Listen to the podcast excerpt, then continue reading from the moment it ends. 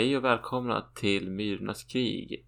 Erik här och vid min sida, på andra sidan mikrofonen har vi Björn. Ja, tjenare. Och ikväll så ska vi ut på en jorden runt-resa och det blir eh, semestermålet Thailand eh, med sina ljuva varma brisar här i vintermörkret. Hade det inte varit på grund av vissa restriktioner så är väl det annars ett ganska populärt resmål den här tiden på året för svenskar.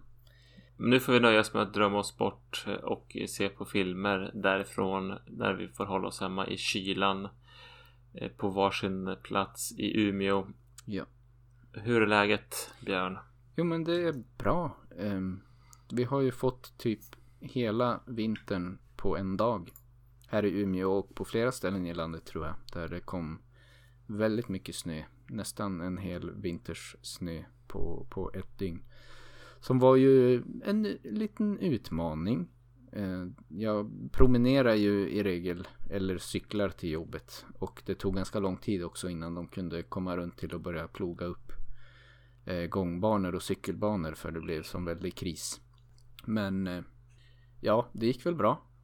Men det var lite spännande. Jag hade glömt bort hur jobbigt det är att pulsa.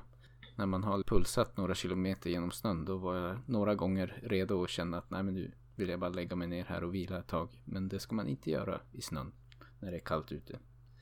Då blir det bara värre. Ja. Jag kommer ihåg när jag bodde på Karlshem där du bor. Var det någon gång så här att snöröjning inte hade hängt med. Så då tog jag skidorna till sjukhuset. Ja men vet du jag ångrar mig. Jag tänkte, ja, den tanken slog mig att jag måste ju ta skidorna till jobbet idag. Men sen tänkte jag samtidigt så jag kan ju inte åka runt med skidor i liksom mitt i stan. Eh, men det fick jag äta upp och jag såg faktiskt en del andra som var ute med jo, skidorna också. Det går. Det är ju värt det när det är så här. Det är riktigt tungt. Det var ju alltså första dagen innan de hade innan folk liksom hade börjat gå upp några stigar också så hade man ju snö upp över knäna hela vägen till jobbet i stort sett. Jag, hade inte jag haft en hälskada så hade jag nog, jag bor ganska högt upp. Så det hade varit ganska skönt att ta skidorna. Det finns en väg som går från där jag bor en ganska stor del av vägen till jobbet. Och den heter faktiskt skidspåret, den gatan. Mm. Och det är som en liten nedförsbacke så det man hade som kunnat staka sig ner där. Men det har inte blivit. Men eh, det kanske, om jag har lite tur och får reda på min kropp så Kanske blir lite skidåkning, i alla fall på fritiden. Kanske inte till och från jobbet. Men... Jag hoppas ju på det. Jag har ju faktiskt haft skidpremiär. Eh, innan det här stora snöovädret slog till. Men så var jag med min far. Och åkte några varv i närheten av där du bor. Och det är ju skönt. Men jag har haft lite svårt att ta mig iväg. Mycket för att man har haft, varit så mycket uppe i bebisbubblan och liksom haft fullt upp med det. Så man har inte riktigt unnat sig. Men det var roligt. Och jag hoppas på att kunna åka mer också i år. Jo, det, det, det finns nog förutsättningar för det om det ska fortsätta vara kallt som det är nu. Men jag vet inte, det är ju ostadiga vintrar nu för tiden. Ja, om det får fortsätta så här. Det här är ju egentligen perfekt vinter i min mening. Sen kan ju snön få komma lite mera utspritt. Men annars så här. Ja men en, en, en och en halv meter snö och typ minus tio som det är nu. Det är ganska det är ganska optimalt. Eh, men det var länge sedan vi hade någon sån vinter. Det har ju som blivit mer och mer vanligt att det kommer några slaskskurar emellanåt och det smälter och fryser och blir lite halvdassigt allting. Jo. Jag kommer ihåg när jag var föräldraledig förra vintern så var det typ att snöra på sig eh, dobbskorna och hålla i sig hårt i barnvagnen för att inte slira omkull. Mm. Och, ja. Men nu är det bättre. Ja.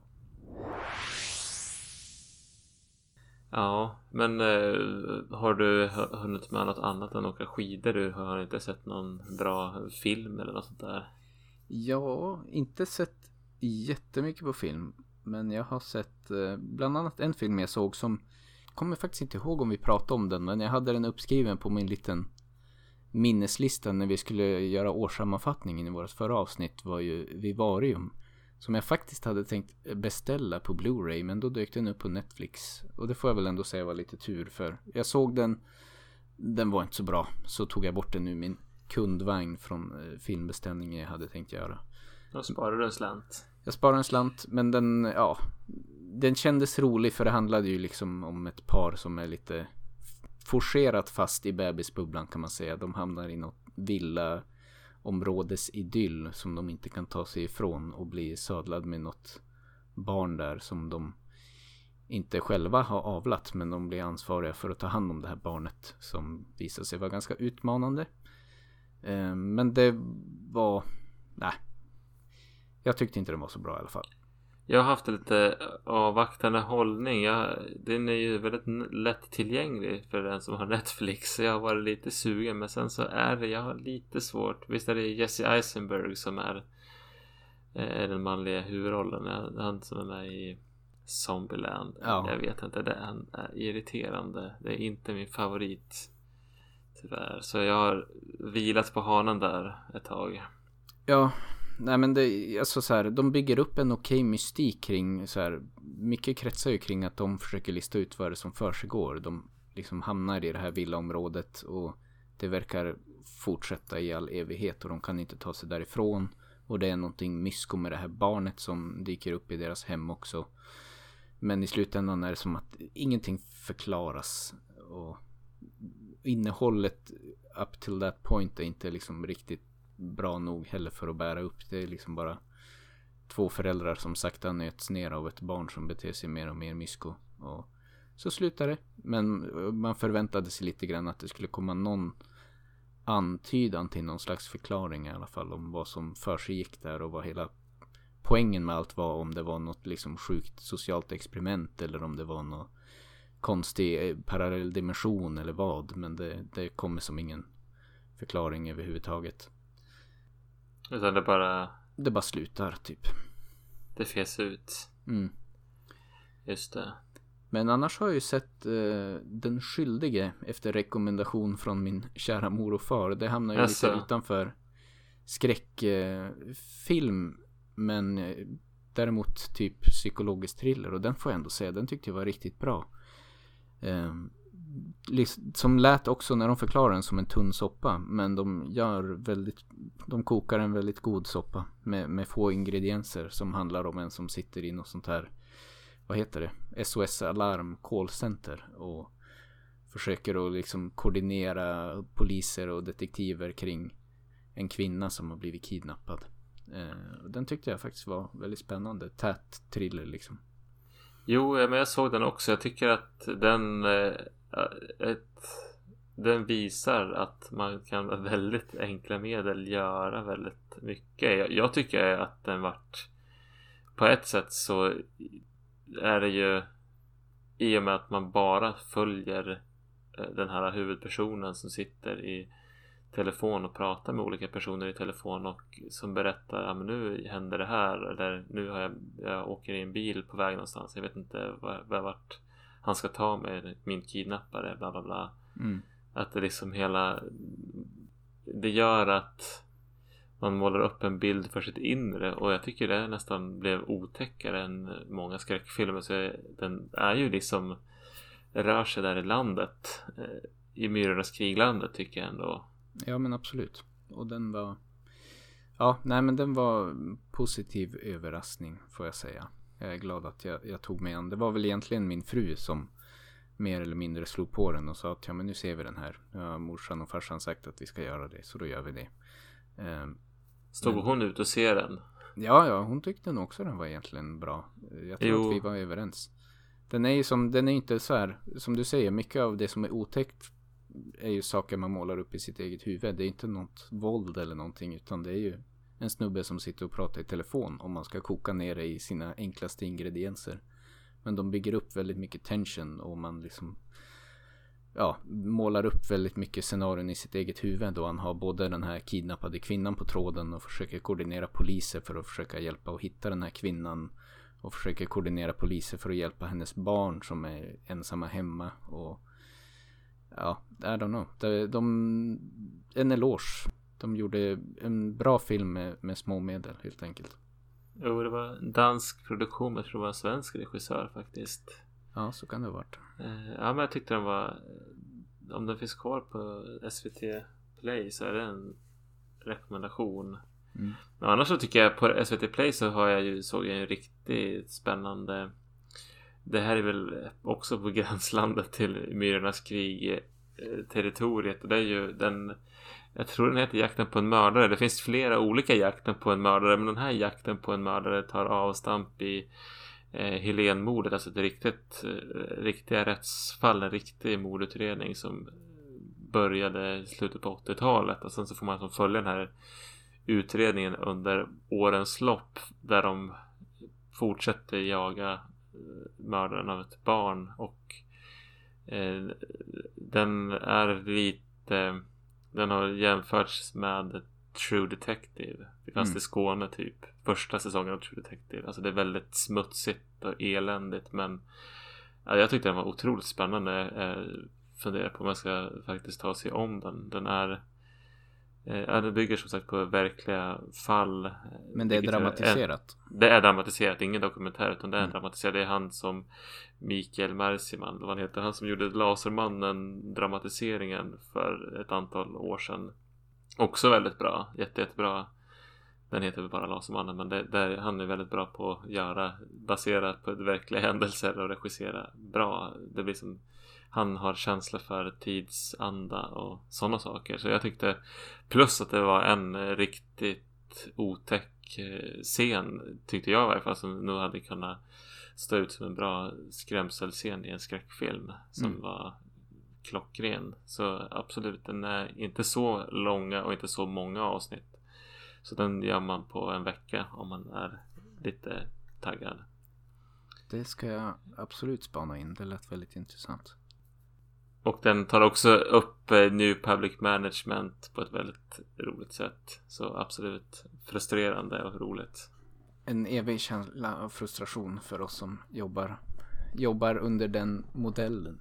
Jo, alla inom offentlig sektor har, har någonting att hämta i den serien.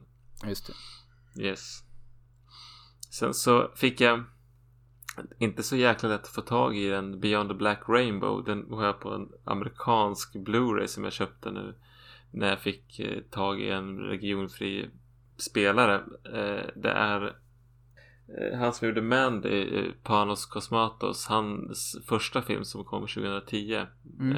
Den är jag vet inte riktigt vad jag ska säga om den. Han, den är, handlar om ett som är, utspelar sig liksom Mandy 1983 på det är någon sorts här institut med någon så här lite new age inspirerad terapimetod med, med, med, som det är några överläkare som styr där och utför ja de försöker bota folk Eh, från olika psykiska lidanden och eh, få dem att leva ett bra liv. Men man får som följa den ena av de här läkarna som känns inte så sympatisk och sen en eh, ung kvinna som är intagen där då. Men det tycker jag var väldigt underhållande och hade ett, som ett, en väldigt tydlig rak linje i berättelsen. Även om den är väldigt stilig och estetisk. Den här är ju mer, ännu mer betoning på stilig och estetisk och ganska långsamt berättande. Och jag satt där under filmen och så här, ja, men ena stunden så hade jag lite svårt att hålla fokus och andra stunden så kände jag liksom som att man så sögs in i en tavla. Det var helt magiskt. Ja. Ja, det var en väldigt intressant upplevelse och väldigt bra musik eh, måste jag ändå tillstå. Väldigt så här syntig, som en så här gammal eh, såna analoga syntslingor och Lite Ja. likt Mandy kanske. Den hade ju en del av den varan också. Jo, ja men precis. Den här känns ännu mer retro i, i, i ljud, i soundet. Men ja, den har, och sen har den vissa, vissa grejer som är precis likadana som i Mandy. Det är liksom några, ja, men, några små klipp som det känns som att de här filmerna hör ihop på ett estetiskt plan. En rekommendation? Ja, det tycker jag. Väldigt speciell. Sen är den, den är inte för alla, men den är nog lite mer lättillgänglig. Så tycker man inte om Mandy så kommer man att tycka att den här är svårare, för den här går mycket långsammare. Mm. Men, den, men tyck, den, den har lite samma... Man, känner, man märker att det är samma regissör. Det finns någon sorts feeling i den som eh, gör att man, man- han, har, han, han har en viss stil som är jävligt, enligt mig väldigt trevlig. Så det är en rekommendation men det är inte lätt att få tag i den den finns den inte på någon, någon streamingtjänst just nu i varje fall. Och som sagt fick jag beställa en Region A Blu-ray för att över, överhuvudtaget få tag i det. Jag har aldrig riktigt förstått det här med regioner på olika DVD-spelare. Vad är, vad är egentligen poängen med det? Det borde jag kanske veta men. Jag vet inte om det har att göra med att man Det är väl vem som har Folk ska kunna köpa rättigheterna till att distribuera i olika På olika platser Ungefär så mm. De här nya Ultra HD Blu-rayen tror jag Nu är ju som Blu-ray så pass Det är på väg ut men de här Ultra HD de, de eller 4K eller vad det heter De tror jag är Alla är regionfria men Men DVD vanlig Blu-ray är ju som Ja USA är region A och, ja. och så Europa B. Och där, för att man någon inre marknad så att man får den, vem som får distributionsrätten antar jag. Det handlar väl om pengar. Det är märkligt men så är det. Ja, ja. ja.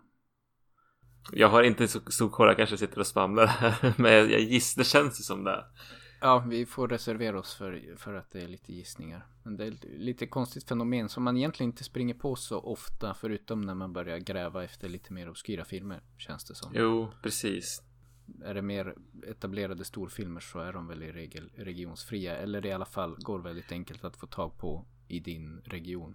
Jo men precis, då finns det en, någon som är intresserad av att sälja dem i regionen. Men när de är lite mer, den här är ju, Beyond the Black Rainbow är ju som kanske ingen som är vågar chansa på att köpa in rättigheterna till. Så då blir det inte. Mm. Tyvärr. Men eh, jag känner att eh, vintern ger sig påträngande här och eh, Thailand är ju varmt. Jag tänkte så här, vi kanske ska inleda. Jag, med att jag, jag, fick, jag fick ju en låda med öl av min sambo här i julklapp. Och jag hittade i, av de här så hittade jag någon ganska spännande historia som heter Fru, Fruit Quake från Örebro Brygghus och Lamp, Lamplighter Brewing Company. Och det är som väldigt mycket frukter här på etiketten. Så det passar väl till eh, den thailändska mangon och så. Absolut. Så jag tänkte det, det är lite havre, det är lite aprikos, det är lite ananas och mango och humle och vete. Ja, det är jättemycket i den här. Det ser hur spännande ut som helst. En stark öl. Och så kan vi, medan jag öppnar den så kan vi börja sätta oss på flyget då. Det låter bra. Mot Thailand.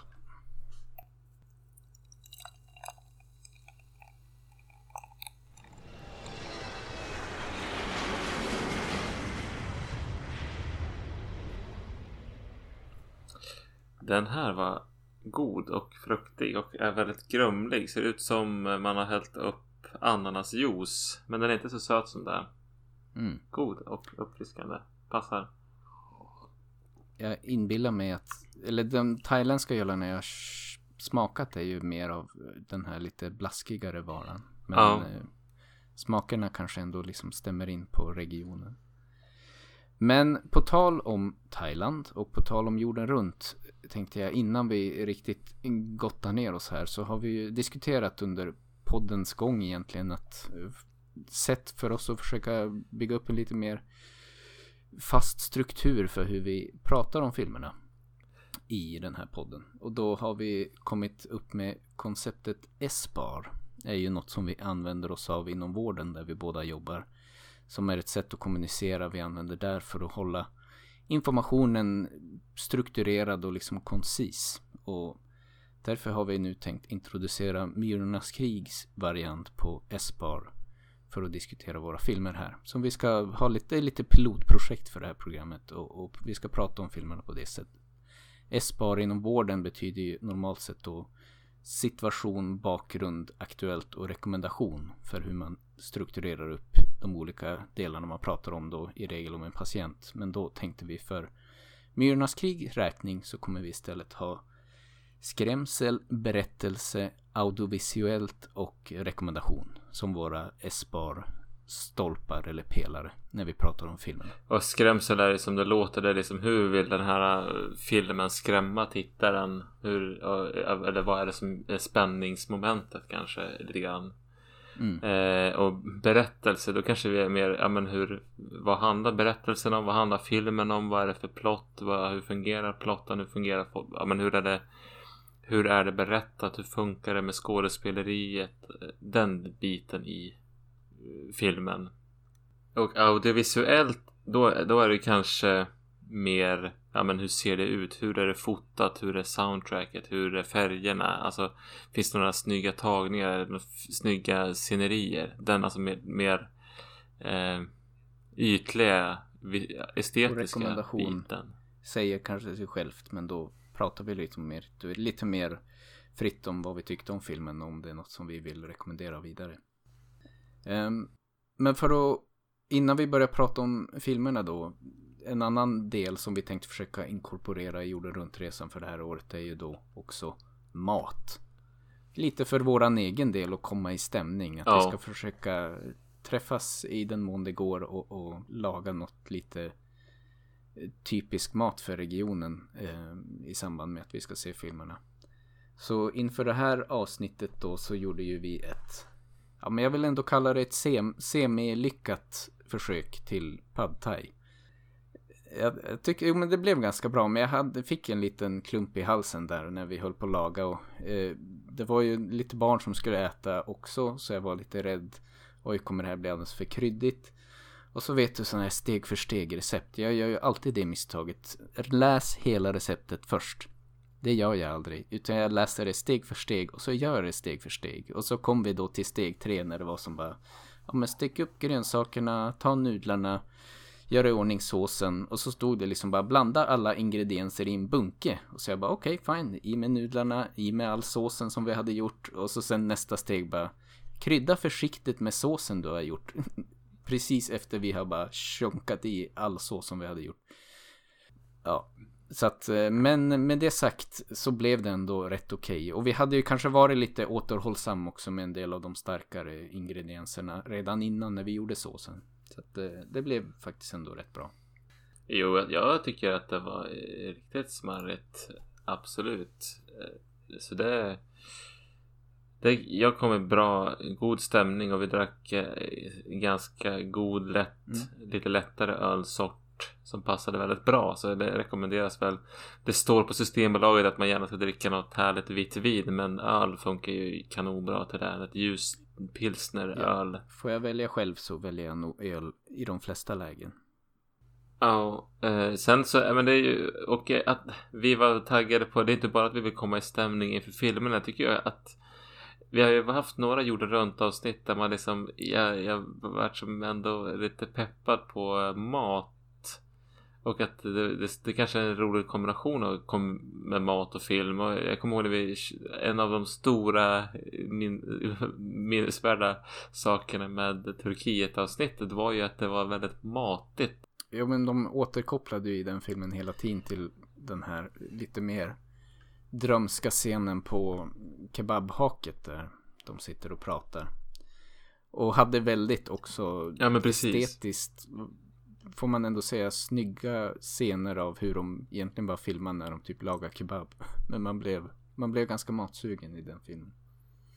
Ja men precis. Vi tänkte ju att det kanske blir något sånt här i kvällens film. Men det enda som blev var ja. någon Pizza Hut leverans som var tjohornad in för att de väl hade Pizza Hut hade väl pyntat med lite slantar till produktionen ungefär så. Annars tycker jag ju Eh, regionen som sådan är ju nog det ställe i världen där mycket av den mat jag gillar allra mest kommer ifrån.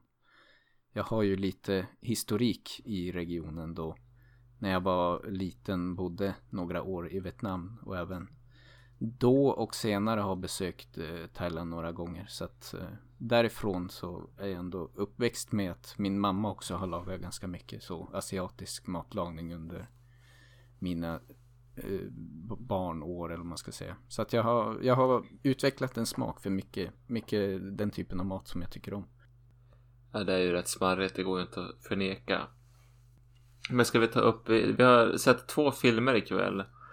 Eh, den första är eh, 2004 års succéfilm Shutter som har fått remakes på allsköns olika språk. Jag tror det finns två indiska remakes och någon eh, ytterligare någon malaysisk eller något sånt där. Jag är inte helt säker. Men det är och en amerikansk remake. Men det är det thailändska filmen som är originalet om jag har fattat det rätt. Och sen har vi även då andra filmen är ju då som vi pratade om i våran årssammanfattning, eh, The Pool.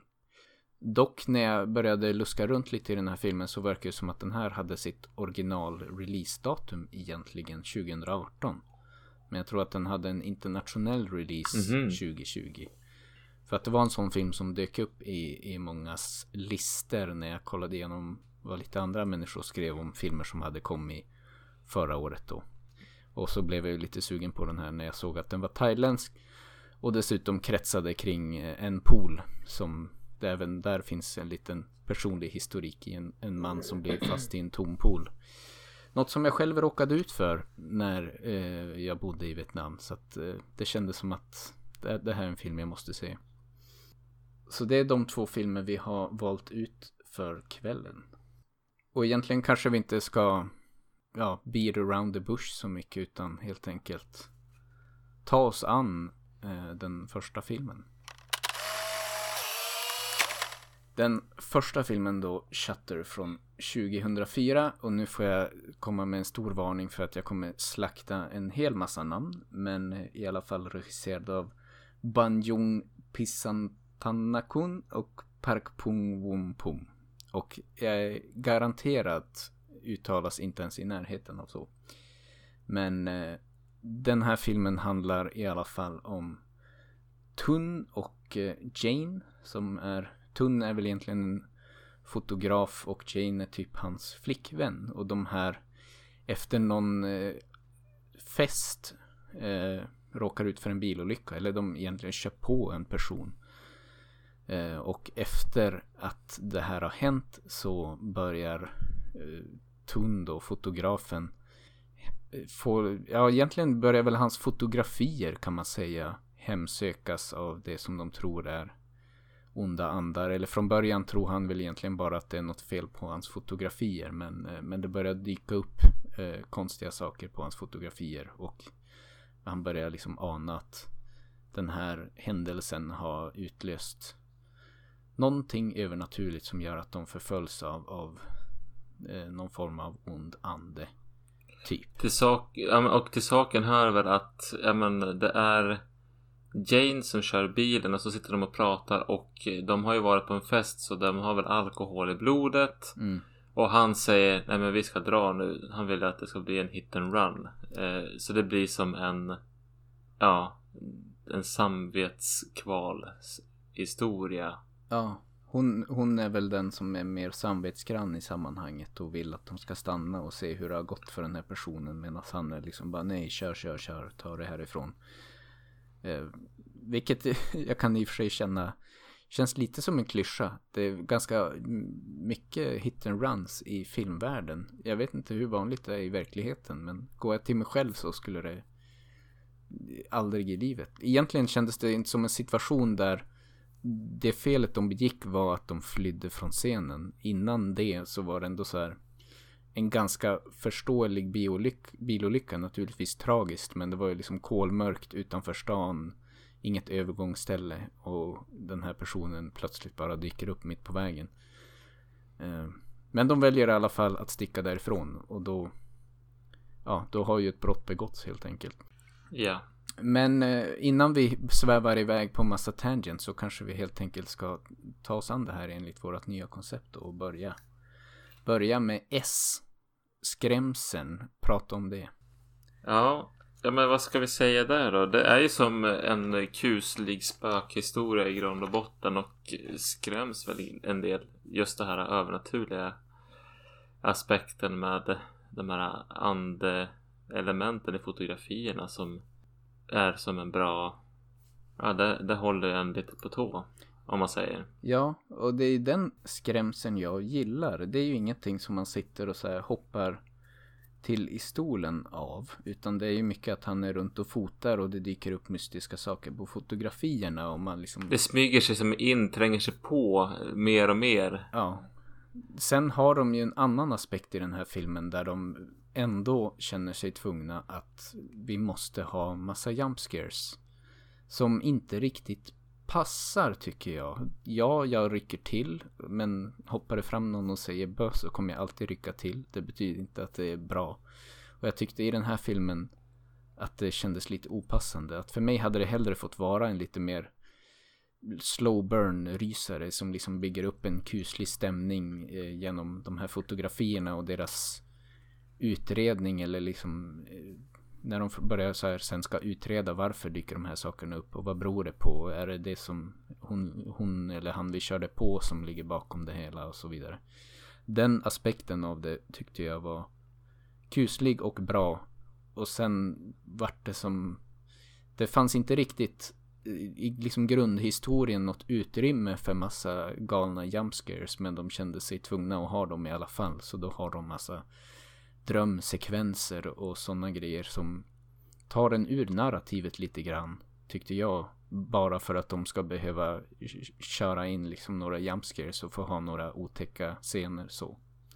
Nej, jag tycker jag håller helt och hållet med och jag tycker att grundhistorien är ju som spännande för det är ju som hela tiden det först börjar med att ett, ett tvivel på att som du sa, sa att ja, men är det fel på kameran eller bilderna eller fel på labbet när de framkallar bilderna och att det liksom börjar där och så är det konsekvent så och, och så nystar man vidare på det och helt plötsligt eller inte helt plötsligt men så småningom så börjar han eh, och Jane, ja men det här är kanske någonting. Att så hela den utvecklingen, hur deras skepsis utbyts mot övertygelse. Mm. Den resan är, tycker jag, spännande nog. Men det liksom hela tiden avbryts den av det kommer någon eh, drömsekvens där det dyker upp något mörkhårigt spöke eller med det sagt så är inte alla de här sekvenserna dåligt genomförda. Jag tycker att många, en del av jumpscaresen är ju ändå hantverksmässigt bra gjorda men de behövdes inte och tog en ur det lite grann. Ja, de hade kunnat fått passa in bättre i en annan film. Mm. Det är en, ja, vi kommer väl till det när vi kommer till våran rekommendation. Men det är nog en av aspekterna som irriterade mig med den här filmen mest. Det blev lite jo. ryckigt. Att det gick från liksom slow burn mystik till bara okej okay, nu ska det vara galna jumpscares en stund och så är det tillbaks till den faktiska historien av deras liksom utredning och de introduceras och upptäcker hela den här världen kring andefotografi och man får liksom följa med på deras resa i och upptäcka vad, vad det är de har fotat och signifikansen av det och så vidare. Ja, nej men jag tycker man skulle kunna gjort det. Jag tycker filmer som lyckas bättre med att liksom låta bli jumpscares och låta mystiken växa. Det, det, men, en, ett uppenbart som kanske påminner lite grann är ju The Ring ändå. Mm. Jag tror att den här har säkert tittat mycket på den filmen. Men den filmen är ju och, mer mycket av en deckarhistoria.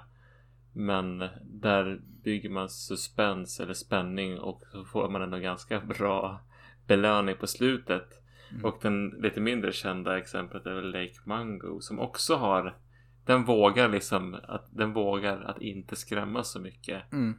förrän när det är dags liksom.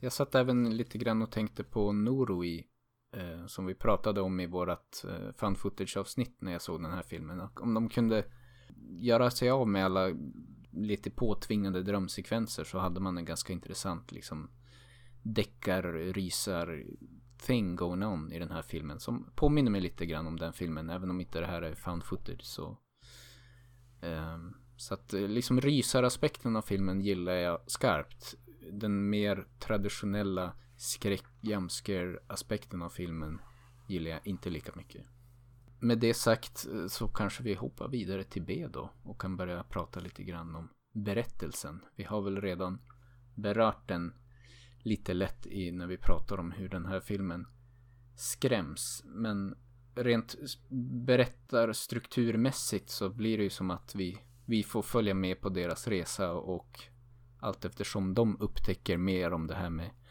andefotografi och den biten så får vi liksom sätta pusselbitarna ihop. Sen utan att spoila för mycket så hela grejen som den här filmen bygger på pratade jag faktiskt med en thailändsk kollega på jobbet som sa att ja men det här hon kände ju igen det direkt och liksom så här, ja men det där är ju så här som alla gamlingarna i Thailand berättar om barnen för som liksom en sån här liten skrämselhistoria.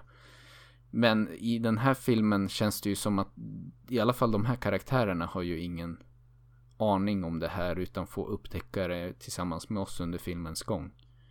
Eh, så att eh, jag vet inte riktigt vad jag vill ha sagt med det men det verkar i alla fall som i, i regionen i Sydostasien så är liksom det här en ganska typisk vedertagen berättelse som går, går långt tillbaks liksom i, i även den orala berättartraditionen så att säga.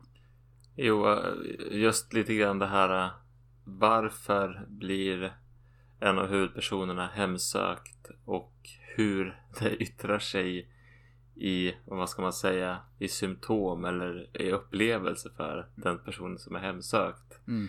I, ja, men I våra västerländska spökfilmer så kanske det är det mer Kanske man bara satsar på det här eh, om det nu är en som har gjort något dåligt som de har kört på den här personen och eh, gjort något moraliskt fel. Då, då ska man, så ska de våndas.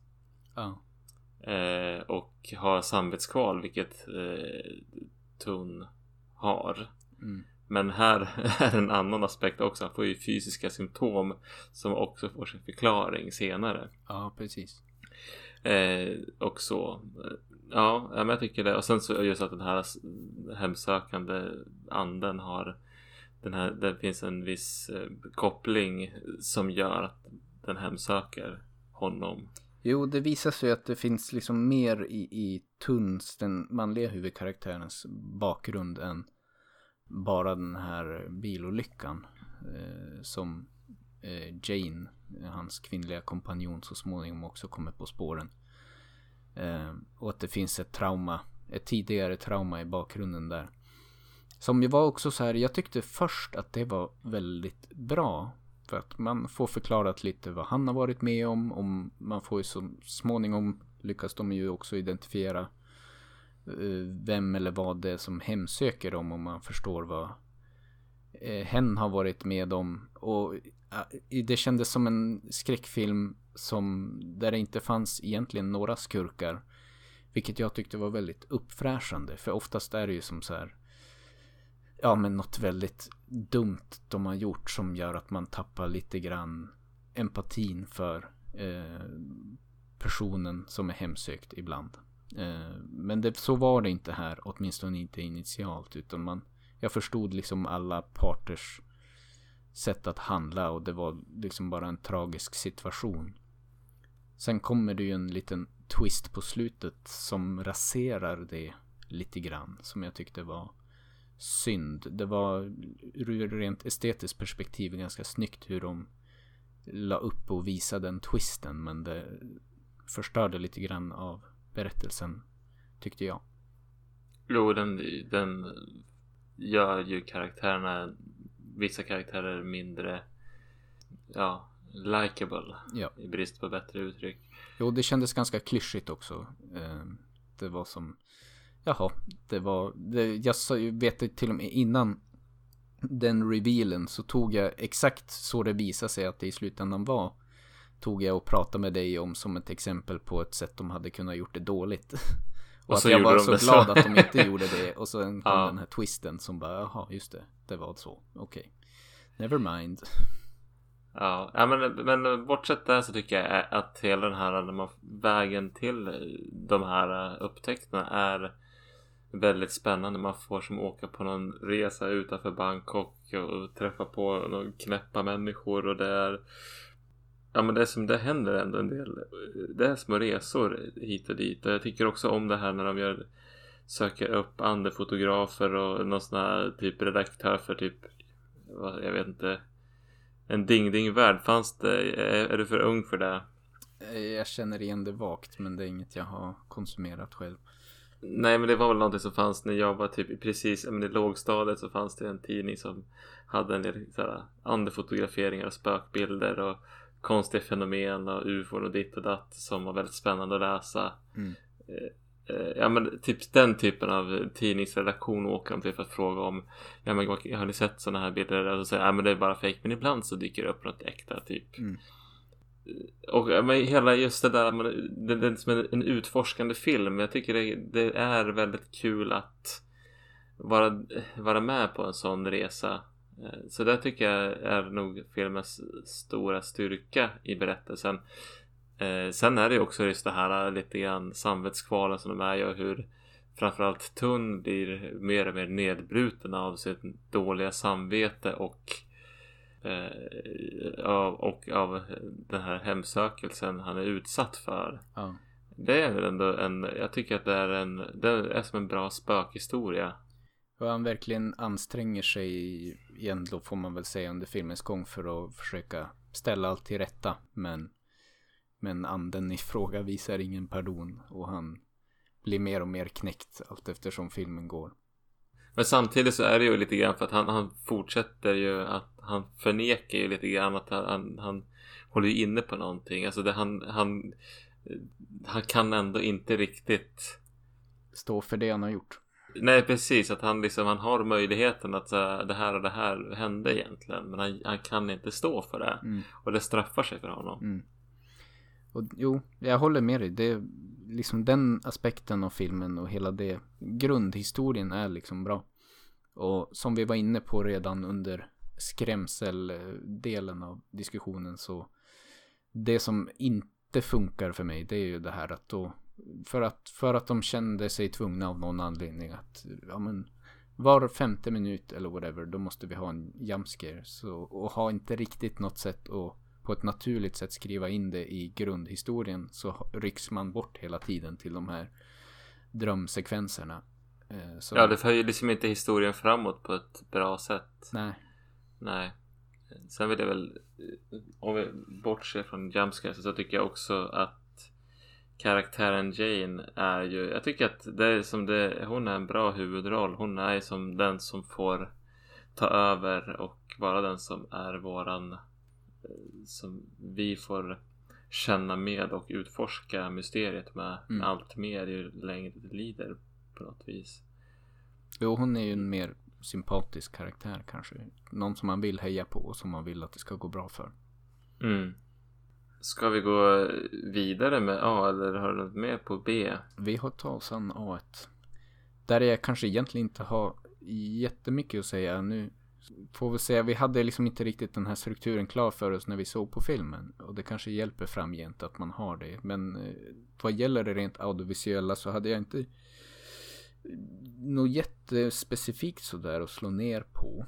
Jag vet att när vi såg filmen så skrev jag att jag i mina anteckningar att jag tyckte att det var lite hetsig ljuddesign. Men nu så här i efterhand kan jag inte komma på några jättespecifika exempel på det. Eh, men det kanske också knyter an till eh, samma som vi har ältat lite grann tidigare. Att de skulle ha in de här jumpscare scenerna och då vart det väldigt hetsigt och liksom bröligt i en annars eh, mer tystlåten slow burn film typ. Ja. Jag, jag, jag sa att det enda jag som riktigt så här eh, hajade till på eller som så här väckte tankar. Jag, jag tyckte som att det audiovisuella överlag känns som så här, ja men det är mörka rum så klyschigt i spökfilmer och det, ja men det, det sticker inte ut på något speciellt sätt rent estetiskt men introt det känns ju som hämtat ur en 90-tals Fincher-film. Mm. Ja men typ Fight Club eller Seven eller något sånt där. Men dels bara hur de här fotografierna framkallas och hur musiken är och hur den det är liksom röd, något så här rött sken. Det känns otroligt mycket Seven eh, på något vis. Och eh, sen så tänker jag efter, när man tänker efter hur, liksom lite grann hur berättelsen är så den har ju lite av den här, eh, typ, den här typen av twistar också. Mm. Så ja, den här måste ha, jag, jag, jag kan inte annat än dra paralleller till, till David Fincher. Men Eh, sen är det faktiskt inte så himla mycket mer. Jag tycker att det finns en, en skrämselsekvens när man, där de har haft en photoshoot i någon sorts studio och Strömmen går. Strömmen går så det blir som en stroboskop. Det blir ganska snyggt. Jag tycker det både blir visuellt snyggt men det blir också som en ganska bra spänningsmoment för att man vet att nästa gång den blinkar så kanske det dyker upp något farligt. Det tyckte jag fungerade ganska bra. Ja.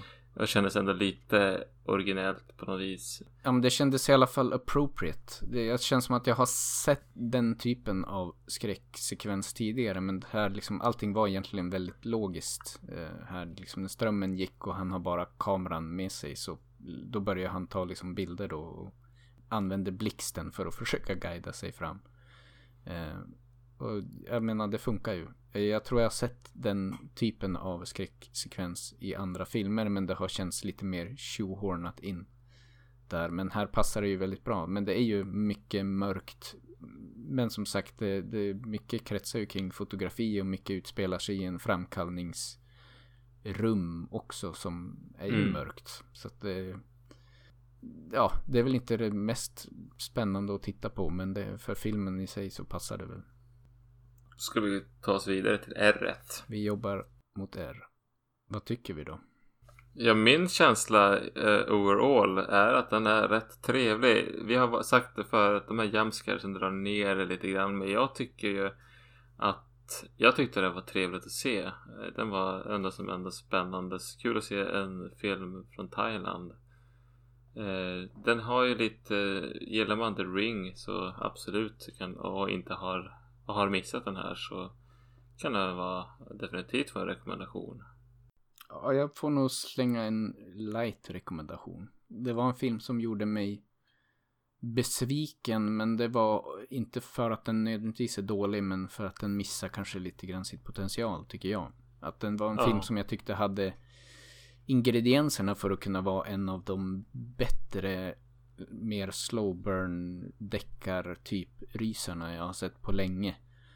Och att jag tyckte det var synd och skam att de kände sig tvungna att säga, men vi måste inkorporera lite mer jump scare horror. Eh, som egentligen inte alls behövdes. Eh, som drog ner det lite grann. Men det är nog en light rekommendation ändå får jag säga från min sida. Ja. Ja men det, den är inte dålig i varje fall. Nej.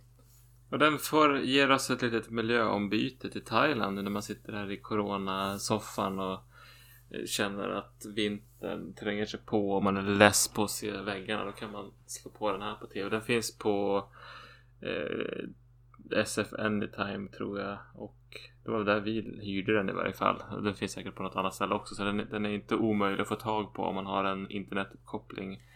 Nej, jag tror i um, thailändska filmer i alla fall sett så är nog det här en av de filmerna som har haft ett lite större internationellt genomslag. Det var ju en film som jag hade hört talas om och lite haft på min att titta på radar helt oberoende av jorden runt-resan. Eh, jag visste inte ens att den var thailändsk. Jag har liksom bara hört talas om den här filmen ändå. Så att den, eh, den finns. It's around. Men vi kanske hoppar vidare mot eh, nästa film.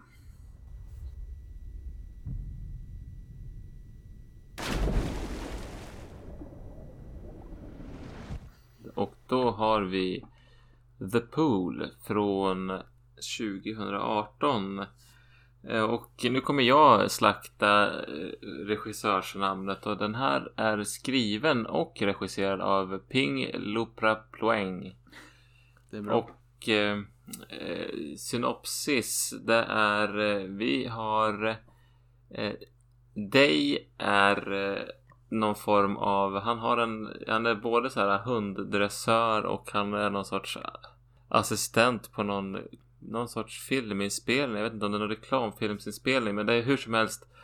De ska spela in en filmsnutt under vattnet i en pool så det finns en liten fåtölj där och så är det någon modell som sitter och, filmar och sen så när film, den, in, när man spelat in den scenen så blir han kvar, dröjer han kvar på platsen eh, och eh, som lägger sig på en, en badmadrass i poolen och somnar fastän de säger att vi tömmer ut vattnet.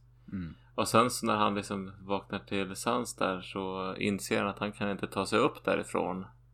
Och det är en sån här 6 meters djup bassäng. Och eh, i samtidigt eller tidigare den veckan så har det varit någon sorts översvämningar som har gjort att en krokodil har kommit på vift och eh, tar sig in i samma pool. Eh, och på den, den vägen är det. Hur ska det gå för eh, våran stackars Day? Han har dessutom insulinbehandlad diabetes och en vad som visar sig vara gravid flickvän som bokstavligen dyker upp. Ja. Ja. S. Om vi tar S. oss an där. Vad, hur skrämmer vi? Hur skräms vi av den här filmen? Den är väl, det, ja, men han är ju eh, utsatt, han är i en väldigt utsatt, farlig situation. Det är väldigt mycket suspens. Man bygger upp otroligt många scener där det ska vara spännande. Vad, till exempel när han ska få, han får slut han har ju inget insulin med sig ner i poolen förstås för det ligger ju på kanten där Mm. och han börjar bli dålig för att han har diabetes och då är det fara och färde och så strular det med insulinsprutan Och så har vi ju förstås krokodilen. Som och krokodilen, ja precis. det ändå inte så här jättemycket in your face. Men den finns liksom där som ett Den finns där. Ibland så ligger den och vilar sig. Ibland så är den hungrig. Ibland så vilar den sig. Och den finns där när den behövs. Och det är väl genomgående så finns det saker. Det finns olika rekvisita som används när den behövs för att skapa en spännande scen. Ja. Och sen, det känns väl lite så här som att jag tycker det fanns inte jättemycket sätt att skrämmas på med den här filmen. Det är mer bara en väldigt tragisk, hopplös situation. Så att då använder de sig också av lite mer groteskt våld. Eh, för att Nagel- Som är mer liksom cringe, skräm. Alltså man, man blir inte rädd men man liksom ryser av, av obehag. Som vi ja, båda cringeade ordentligt kring så kallad, som jag vill kalla för nagelhorror. som de filmar i excruciating detalj när han bryter sin nagel och sen måste försöka slita lös den typ. Uff, är det så obehagligt att försöka klättra upp för den här bassängkanten och det går inte. Och det är så... Ja men då, var, ja, då tog jag bort, då kunde jag inte se Mm. eh, någon av de där sekvenserna. Men som sagt, det är inte så skrämmande, men det är ju absolut obehagligt. Men jag vet inte hur bra det kändes egentligen som att det passade i den här filmen. Det var liksom en film som var ganska tam på många sätt som plötsligt blev ett uppbrott med så här nästan liksom hostel level av utstuderat groteskt våld. Eh, som kanske bara var där för att det skulle, jag vet inte riktigt vad, vad syftet var men ja, obehagligt var det ju i alla fall. Jo. Det får man säga. Sen tycker jag en stor missed opportunity i den här filmen är ju att krokodilen är ju jag ska inte lova att det är 100% men i alla fall till största delen helt och hållet CGI-genererat. Vilket kändes som, eh, ja, kostnadsaspekt så det kanske hade varit orealistiskt för dem med den budget de hade men annars tycker man ju att det borde kunna finnas stuntmän och djurskötare som hade kunnat hjälpa till och se till att de faktiskt kunde använda sig av en riktig krokodil. För det är ändå en aspekt Då hade av det att man, skrämts mer. Ja, man känner hela tiden att den där krokodilen är inte där på riktigt. Och karaktärerna liksom agerar lite grann därefter. Och att jag tror att det hade hjälpt om man hade faktiskt haft en riktig krokodil. Eh, Det är inte dålig CGI egentligen kanske, men eh, man, jag vet inte, mänskliga ögat, man synar ändå det där på något vis. Jo, den, den följer inte tyngdlagen på rätt sätt. Eh, Fighterna med krokodilen som ska vara spännande och otäcka blir inte ett dugg spännande eller otäcka. Nej. Jo. Nej men det tycker jag. Ja men sen någon annan sak de försöker skrämmas med det är väl att de klipper runt i de där avloppen lite grann och man vet inte vad som ska hända. Men det tycker jag också är ett missed opportunity. Där händer det, det kunde ha varit betydligt otäckare om man hade gjort det bättre och hanterat det på ett annat sätt. Mm. Är vi klara med S? Jag tycker inte att jag, jag hade inte så mycket mer att skriva. Det var just det här att de, de radar upp sår och skördar för att med olika som sagt olika rekvisita för att det ska bli lite spänningssekvenser här och där. Nej men vi, vi hoppar på B. B. Och som sagt, eller som ni kanske förstår redan från början så är det ju en ganska tunn soppa det här. Och det var ju en del av det som faktiskt lockade mig till filmen också. Att man var lite nyfiken på att se vad, hur lyckas de skriva ihop en feature length film av det här konceptet av man är strandad i botten av en pool. Och man får väl ändå säga att sättet de gör det på är ja, det kanske är som man hade kunnat förvänta sig men det blir ju så här de får verkligen anstränga sig för att bygga upp spänningen och det, upp, det är som filmens fortsatta narrativ förutsätter att det känns som att karaktärerna fattar exakt fel beslut i precis varenda situation och man blir som bara jävligt frustrerad till slut. Ja, det är ett skolboksexempel på idiot plot. Ja. Någonting. Nej men det är så här. Det finns ett avlopp där man kan gå åt två håll. Men han går bara åt ena hållet och kollar och där var det stopp. Sen går han tillbaka igen. Ja, och så är det som att det ska komma som någon stor twist på slutet. Bara vi kanske provar gå åt andra hållet i avloppet. Man bara ja, obviously. Varför har ni inte gjort det för liksom länge sedan? De, I den här filmen, det hör ju till saken att de är där i, vad är det, sex eller sju dagar. De är där länge liksom. Och, Ja. Ja, och det, jag vet inte, det blir så mycket, det blir så mycket dumt allting. Och liksom Murphys level 9000. Allt som kan gå fel går fel all the Ja, time. precis allt som kan gå fel går fel. Det är helt o... Ja, men, men sen, ja men till exempel. Ja men ligg inte kvar där på madrassen. Du, vi håller på att tömma ut vattnet. Och sen så... ja, Okej. Och sen så skiter den i det. Ja, och så kommer ju hans flickvän, nu spoilar vi lite men det skiter jag i. Då kommer ju hans flickvän dit sen och liksom det första hon gör är att dyka ner i poolen som är liksom då, at that point, halvfull. Så att jag vet inte om hon... Jag vet Och inte. när hon ska dyka ner det så säger bara nej hoppa inte. Så hon börjar tveka och slår i huvudet och svimmar av. Ja, Och får, hon får en ganska ordentlig smäll i huvudet och är avsvimmad aslänge.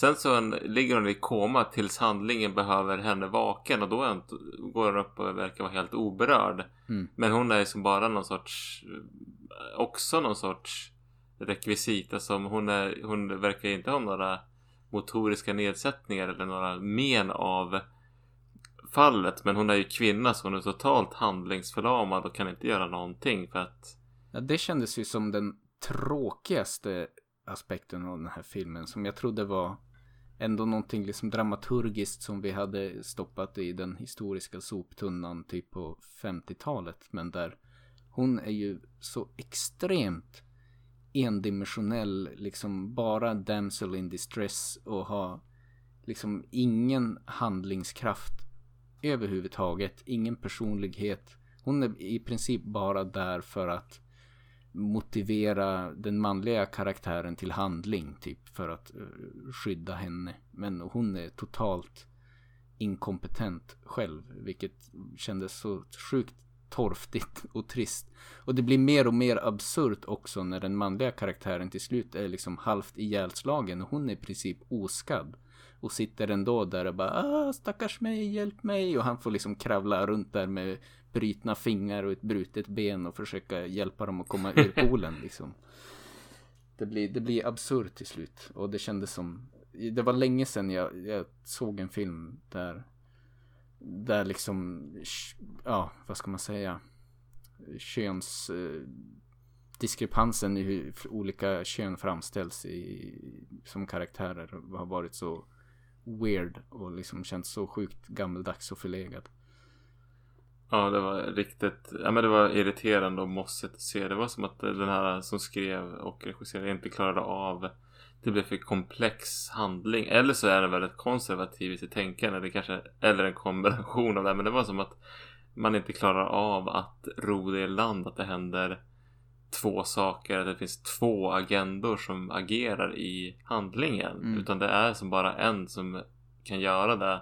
Och den måste vara jättekorkad för annars så kommer inte handlingen vidare till eh, steg två liksom. Egentligen kan man väl säga att det var en film med egentligen bara en karaktär och kvinnan i sammanhanget är rekvisita. Om man ska riktigt hårdra det. Jo, och, det, det, det, och jag tycker det, det som är, som är en sammantagen känsla med berättelsen är ju liksom att det är allting som alla saker förutom huvudkaraktären alla saker och karaktärer runt om dem är bara liksom en del av en rekvisita för att ja, men krokodilen finns där men den gör nästan ingenting om det liksom inte behövs hä- behöver hända någonting om han inte har ett krångel med maten eller insulinet eller med sin eh, flickvän som har gjort illa sig. Då, då, ja, men då slänger vi in lite krokodil här. Men sen så dyker det upp något annat som kan vara spännande. Då är krokodilen helt plötsligt ofarlig igen. Mm. Tills det är dags för den att vara farlig. Eh, Och så känns det med väldigt många saker att diabetesen är bara ett problem en gång men inte sen. Ja. När han väl har fått sin insulindos på dag tre då spelar det ingen roll att han inte får en ytterligare insulindos dag sex. Ungefär. Då är han helt oberörd av sin diabetes. Ja, det är väldigt... eh, Det är mycket som är väldigt konstigt narrativt här. Och som sagt, det kändes... Det liksom grundproblemet är väl egentligen att vi har en film om en snubbe som är fast i en pool som vi måste försöka få att räcka till en, en lång film. Och egentligen hade de väl inte riktigt manuset för det. Och så känns den så spretig liksom rent tonmässigt också. Att det, Ja. Med liksom hur mycket saker som går fel och hur absurt allting blir. Så känns det som att den här filmen hade kanske gjort sig bäst. Som en typ svart komedi, liksom skräckkomedi. Men samtidigt har den så här väldigt mycket melodramatiska scener som för tankarna mer till så här gamla 90-talsserier som typ Glamour eller något sånt. Och så plötsligt så är det också vissa scener som är bara jättemörka och tragiska och som inte på något sätt är liksom roliga. Eh, som, jag vet inte, den är lite all over the place. Och så ska det vara en spännande film där det är lite, ja men, cliffhanger Mm. Nej, jag tycker ja, den, den, den visste inte riktigt vad den ville berätta och hade inte så mycket att berätta. Nej. Alltså det känns som att han inte saknade idéer. Det var bara att genomförandet var katastrofalt oftast. Så det blir ju helt skrattretande ibland. I, I efterhand så tycker jag att det, det kanske vore kul att se om det där. För att det var så knäppt. Jag hade liksom önskat att han kunde gå mer all in på knäppspåret då. Att liksom rensa bort alla de här överdrivna melodramat och framförallt kanske rensa bort de här egentligen i grund och botten otroligt bara hemska och tragiska scener. Det är väl en specifik scen jag tänker på där han har en hund också som dör på ett väldigt otäckt och otrevligt sätt. Som gjorde att, gör det bara till en mer galen flippad film som man kan sitta och dricka några bärs och skratta åt. Kasta popcorn på, på tvn. Ja, precis. ja men det var verkligen den. Det, det, det, det är där den skulle kunna, borde ha satsat på. Mm. Men i alla fall, jag tycker nu. Alltså det finns ju också vissa grejer som det, de här som de hade kunnat jobbat mer med i berättelsen. Jag ska inte uppehålla mig så himla länge på det, men det visar det är ju några grannar där som är väldigt nära. Det är något pizzabud som levererar den här Pizza Hut-pizzan. Att man borde ha liksom gjort något mer med att skapa, ja men det är väldigt nära någon. Men ändå så långt borta och att man hade kunnat skapa en, liksom en större berättelse runt det. Hur ska man tillkalla hjälp? Och gjort det mer spännande istället för att göra de här små sakerna med de här små rekvisiten så kanske man skulle ha gjort någonting annat som hade gjort det som är mer, mer spännande. Eller så att de har gjort en jag vet inte, jobbat mer med översvämning, att de hade liksom eh, kämpade mer mot klockan. Mm. Att det hade blivit något mer spännande. Men nu kändes det som att det var som nu är det ett litet spänningsmoment och sen så löste det sig. Och så kommer ett nytt spänningsmoment så löste det sig. Och så kommer ett nytt spänningsmoment som löste det sig. Men vi är fortfarande lika kvar i den här äh, poolen tills man helt plötsligt kommer bara upp utan problem. Ja. Nu spoilar det hela filmen. Men det ja, men med det sagt kanske vi kan gå in på A1. För Mm. specifikt till den poängen som du, jag tror att du gör där, så känns det med bättre kamerarbete tror jag man hade kunnat åstadkomma en del av det här. För det är väldigt mycket close-up filmat. Det är liksom, ja, det är väldigt mycket close-up helt enkelt. Och med tanke på det du sa så tänker jag, hade inte det varit sjukt bra att ha mer svepande drone shots där man också ser den här poolen men även ser om en barna som leker i fältet intill eller huset som inte alls ligger så himla långt bort eller vägen där det kör förbi massa bilar och man får ännu mer greppas liksom av den här känslan av så nära men ändå så långt borta när de är eh, liksom kanske då potentiellt nära att bli räddade. Man kanske kan få se någon scen när han ropar och Cutaway till filmgrannarna som har grillfest på andra sidan och bara var det någon som ropade? Och så bara nej nej vi fortsätter festa typ. Ha mer eh, av den aspekten hade jag gärna sett istället för bara de här extrem close-up eh, filmningen som var väl det som genomsyrade det mesta av filmen. Ja, precis, det hade varit kul att se det i ett lite större sammanhang eh, och göra det, det hade inte krävts mycket tror jag. Nej men det, det tycker jag och sen så tycker jag som du sa var inne på på skrämsel. De borde ju inte haft en bara haft en CGI drake höll jag på att säga. Krokodil. Det, alltså det är ju som eh, den, ibland så slåss han med den och han bara drar undan den som om den vägde typ 15-20 kilo. Mm.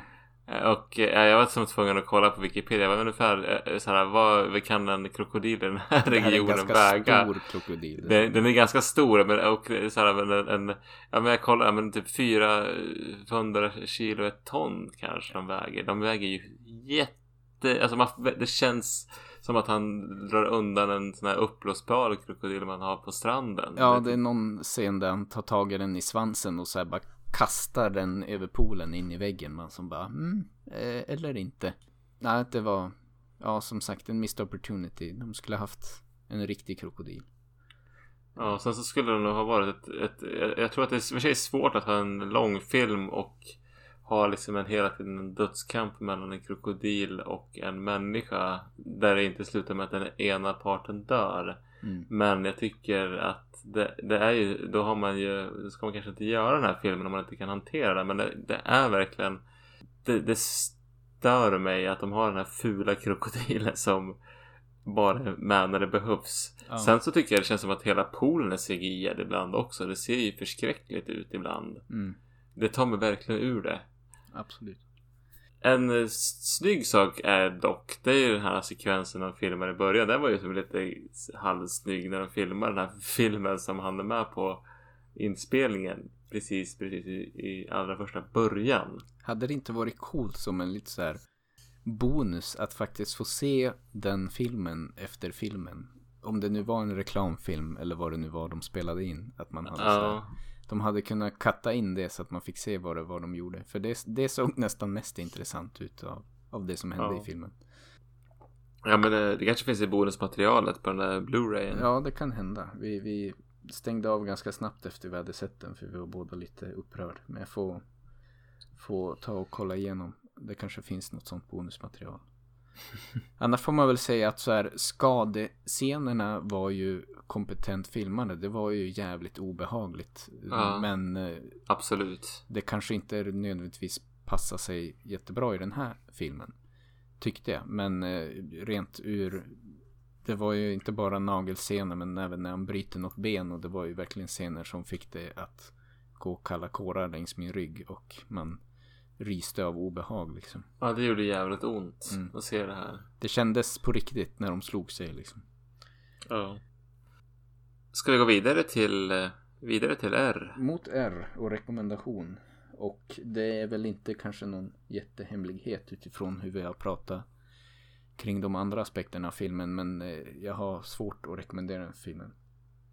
Den kändes inte alls...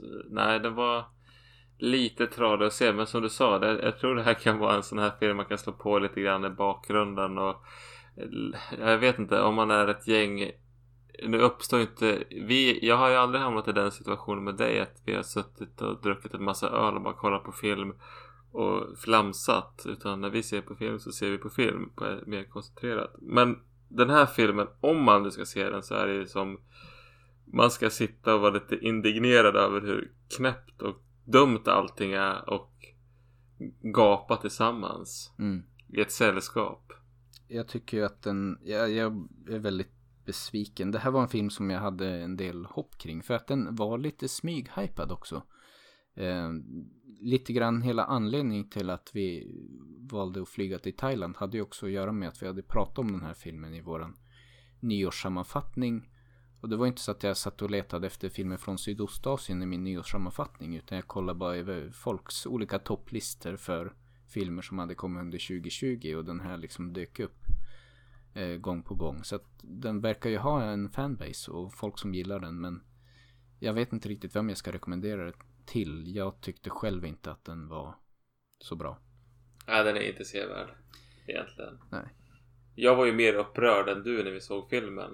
Medan du var ganska mild. Men Mm. vi är nog ungefär på samma plan nu tror jag. Mm. Sen fanns det ju en aspekt också av att jag, jag själv eh, föll ner i en tom pool när jag bodde i Vietnam som gjorde också att jag kände att okej, den här filmen kommer tala till mig men nej, det, det gjorde den inte. Eh, och den var ju dock också tom då jag föll ner i poolen och inga krokodiler inblandat utan bara skalltrauma. Så att det var inte riktigt samma story vi var med om. Jag och eh, Day som han hette i den här filmen.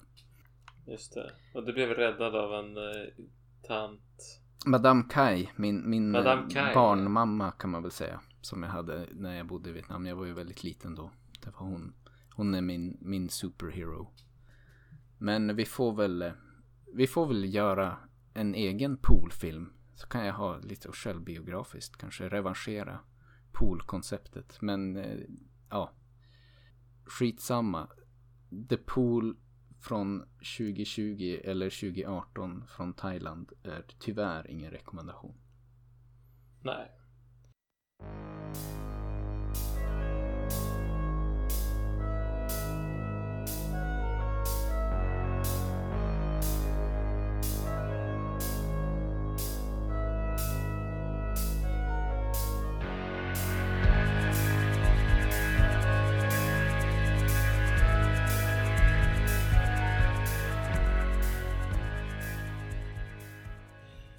Ja men då så, då har vi gjort Thailand. Ja, Vad tycker du ändå sammantaget om resmålet? Om liksom, vad får du för känsla av Thailands filmkultur? Tror du att det finns mer att hämta där? ja men det tror jag absolut. Ehm, Jag gjorde ju lite Google-sökningar inför det här och det var inte så här så att det var någon destination som det kändes som det var svårt att vaska fram några filmer till. Det fanns många fler filmer som jag var intresserad av och verkade finnas en ganska rik kultur sen en bra bit tillbaka i tiden av, av skräckfilmer från Thailand som folk ändå verkar uppskatta och Jo, mycket spöken. Kvinnliga otäcka spöken som är känslomässigt kopplade till eh, män, höll jag på att säga.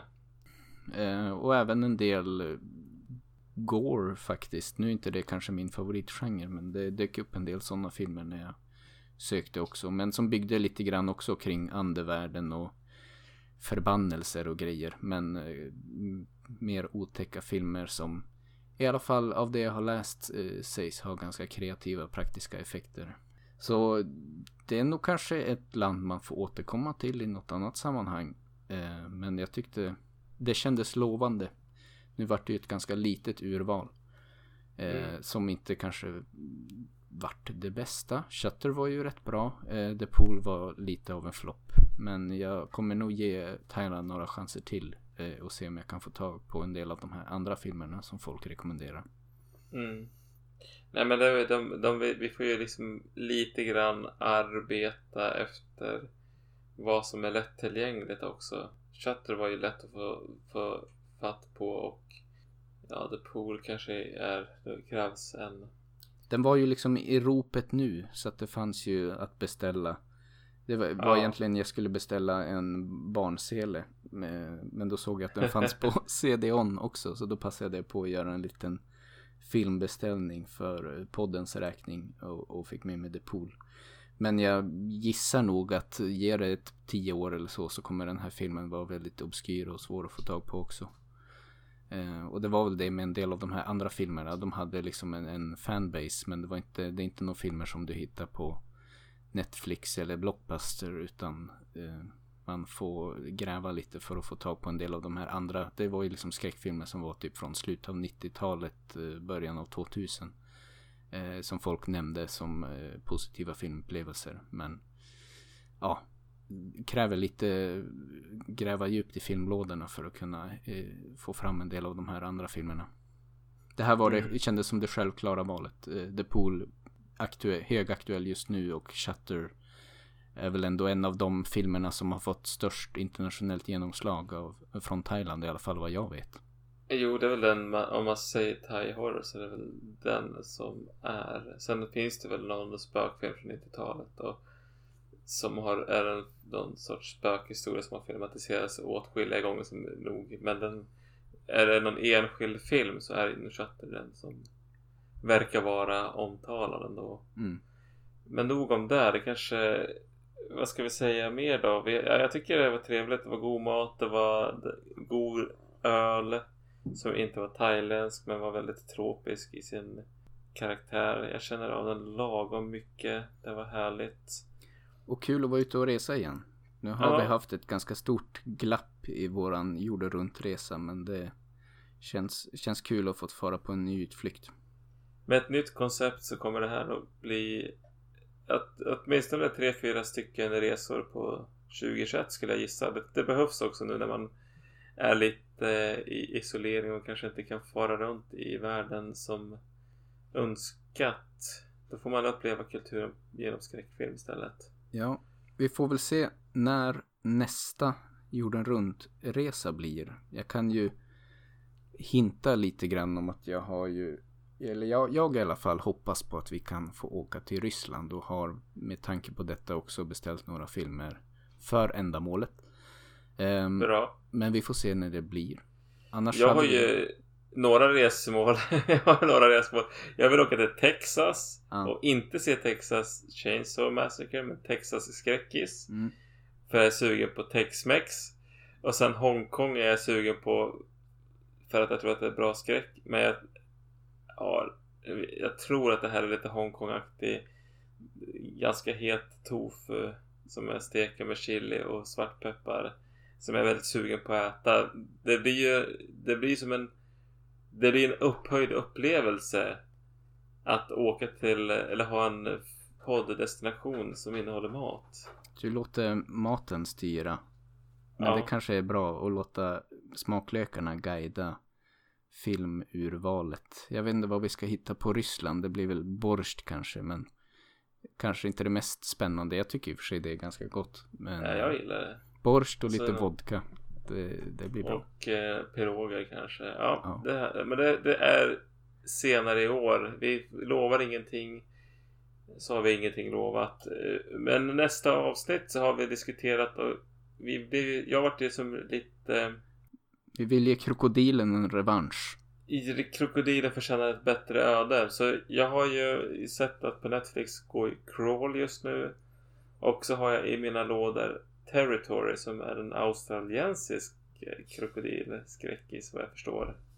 Så krokodiler helt enkelt. Och eh, kommer vi över Lake Placid så kanske den följer med. Ja, det är ju en film jag har någorlunda varmt om hjärtat vill jag väl ändå påstå från min barndom. Den, det var som en tid där, kort men intensiv period av mycket djur, monster, skräckisar med eh, Lake Placid och Anaconda och lite annat smått och gott. Var det inte någon Kongo eller något sånt där? Som Ja, hette? just det. Det stämmer. Ja, men eh, i alla fall då för februari månad så ska vi ge krokodilen som filmmonster sin eh, revansch. Och eh, kolla igenom på lite krokodilfilmer helt enkelt. Det blir roligt. Och till dess så får ni väl hålla till godo. Så får vi tacka så mycket för att ni har lyssnat på det här avsnittet, första för 2021. Tack och adjö. Tack och adjö.